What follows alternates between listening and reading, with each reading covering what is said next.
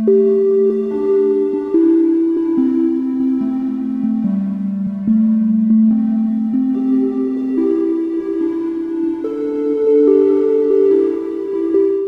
a tothom, benvinguts i benvingudes al primer capítol de Molon Lave.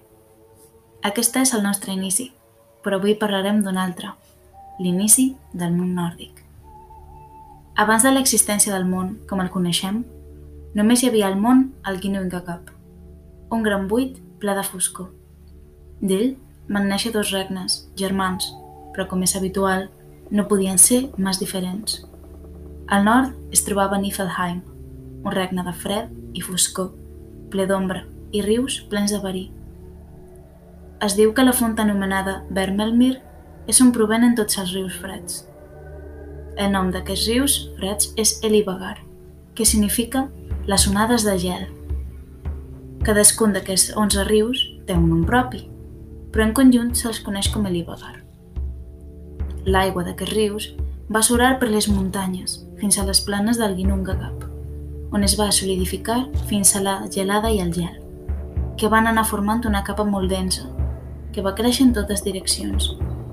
El pes del gel va fer que Niflheim quedés sota el Ginnungagap, simbolitzant els arrels de l'arbre Yggdrasil, que connectava els nou mons, els dos ja creats i els set que crearien Odin i els seus germans. Al sud de Ginnungagap es va formar el regne de Muspelheim. La seva calor va absorbir el Ginnungagap, que es va convertir en la Terra del Foc. Aquest és el lloc on viu el gegant del foc Surtur, juntament amb altres dimonis i gegants del foc. De Muspelheim va arribar lava i espurnes al Ginnungagap. L'aire de Niflheim també va arribar i es va juntar amb el de Muspelheim. El foc va fondre el gel i va començar a gotejar, i a partir del gel es va començar a formar una criatura humanoide. Aquesta figura era un Jotun, Ymir, el primer gegant de la mitologia nòrdica. Quan Ymir es va dormir, va començar a suar i la suor que tenia sota els braços va fer créixer dos gegants més, un home i una femella. I una de les seves cames emparellades amb una altra va crear un tercer, un fill, Thrudgelmir el primer de la família dels gegants, de les gelades, també anomenat Jotnar. Tots van ser allellats, alletats per una vaca gegant anomenada Audumla, que com Ymir va ser creada a partir del gel que es va fondre al Ginnungagap. Un dia, la vaca gegant Audumla es va alimentar d'un bloc de gel salat i a mesura que llepava es formava una figura humanoide. El primer dia, alguns cabells humans van sortir del bloc el segon dia, Audum la va llepar al bloc de gel i va aparèixer un cap, i el tercer dia va sortir la resta del cos.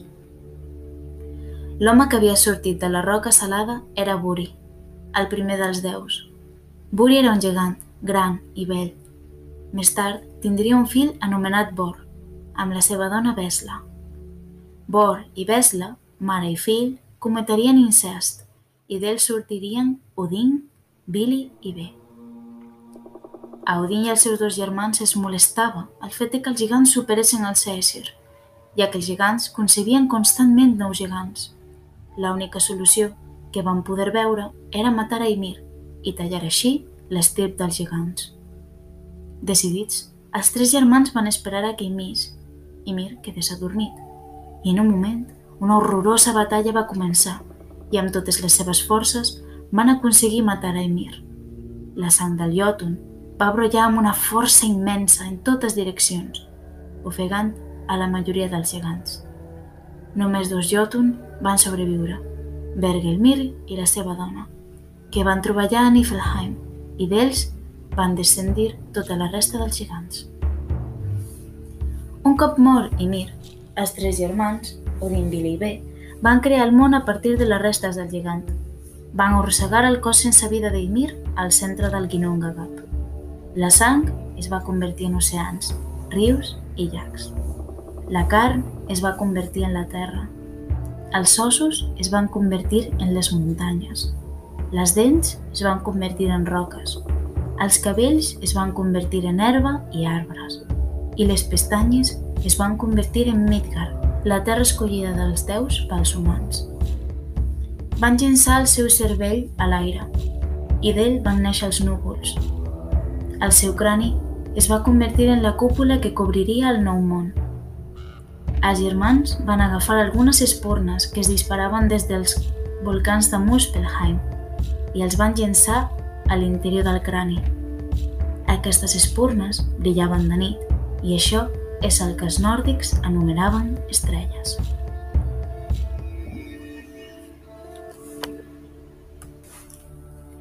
Paral·lelament a aquesta nova estirp de gegants que es concebien a si mateixos com déus, els Aesir, necessitaven una nova llar.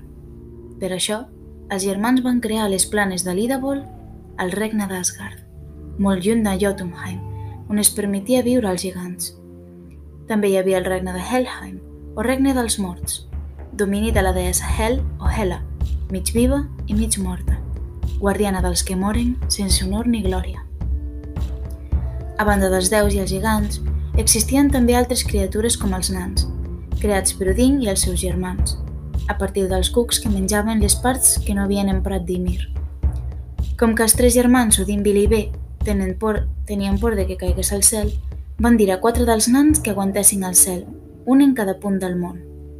Els seus noms seran Nordi, nord, Vestri, oest, Sundri, sud i Austri, est, el que avui coneixem com els nostres punts cardinals. La resta dels nans van fer les seves cases en roques i coves sota terra, al regne que es diu Svartalheim, llar dels nans o elfs escurs.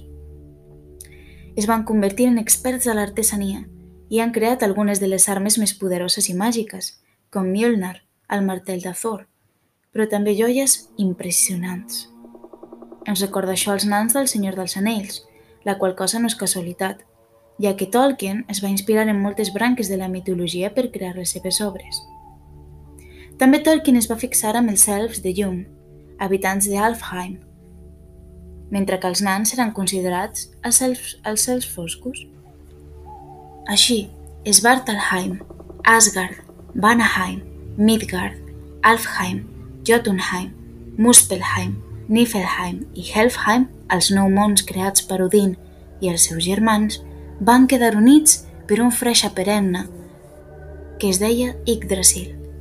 El seu nom significava el cavall d'Odin i era el centre de l'univers nòrdic. D'ell sorgien els nou mons. Obres. Un cop ja tenien un món pels nans, un pels déus i altre pels gegants, van crear els déus la terra de Midgard, a partir de les pestanyes d'Aimir. Narren les sedes que hi havia a Midgard un home amb el nom de Mundilfari, que va tenir dos fills. Aquests, que eren d'una bellesa impressionant, van ser anomenats Mani, Lluna i Sol. Sol cop els déus ja tenien un món pels nans, un altre pels déus i altre pels gegants, van crear la terra de Midgard, a partir de les pestanyes d'Aimir. Narren les sedes que hi havia a Midgard un home amb el nom de Mildilfari, que va tenir dos fills, dos fills tan brillants i tan bells que va decidir anomenar-los Mani, Lluna i Sol. Els déus estaven tan furiosos i gelosos per aquesta arrogància que els van col·locar a tots dos al cel. Sol viatjaria en un carro tirat per cel per dos cavalls, Arbaker, el que s'aixeca aviat, i Alsvedor, el que va veloç. Sota el carro hi havia un escut anomenat Svalin, que protegia a Midgard de les flames del sol. Mani només tenia un cavall i va robar a dos nens de Midgard per ajudar-la a conduir el carro, Bill i Yuki. Tant a Mani com a Sol els perseguien dos jocs, Skoll, la traïdoria, i Hati, l'odi. Cada dia, Hati faria un petit mos a Mani, però aquest s'escapa i es cura de nou, el que explica les frases lunars. Es diu que aquests dos llops atraparan un dia el sol i a la lluna, però que podem estar tranquils, perquè això passarà al Ragnarok.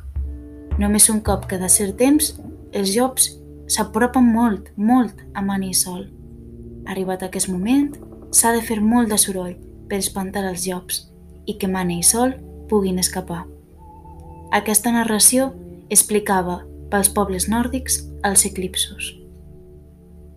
Tanmateix, també hi havia una història sobre un gegant anomenat Norbi, que va tenir una filla anomenada Not, la nit, i que aquesta va parir un fill que es deia Dagger, al dia. Tant Not com Dagger muntaven en carros tirat per cavalls. Not era arrossegada pel seu cavall Hrimfaxi, el de melena fosca, i darrere d'ella hi anava Dagger, arrossegat pel seu cavall Skinfaxi, el de la melena brillant. Segons sembla, els dos llops, Skoll i Hati, també els perseguien, fent que aquesta part sigui una mica confusa, ja que hi ha múltiples variacions sobre aquesta part de la mitologia nòrdica. També hi ha moltes versions sobre la creació de l'ésser humà. La més acceptada narra que un dia Odin i els seus dos germans, Billy i B, caminaven per la platja i van trobar dos troncs, un procedent d'un freixa i altre d'un home. Odin els va donar la vida i l'esperit. B els va donar el moviment, la ment i la intel·ligència, i Billy els va donar forma, discurs, sentiment i els cinc sentits. L'home va rebre el nom d'Ask, que significa cendra, fent honor al seu origen, i la dona, Embla. Els Aesir van decidir que els humans havien de viure en un lloc anomenat Midgard, reservat pels humans i la seva finitud característica.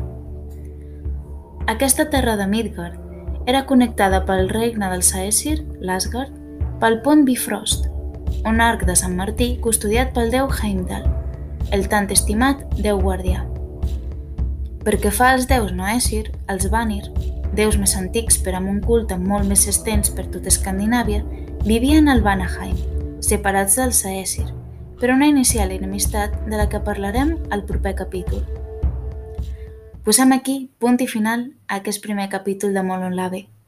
La setmana vinent tindreu capítols sobre la mitologia mediterrània, el caos i com va sorgir l'entramat de déus i titans. Gràcies per escoltar-nos i es veiem aviat.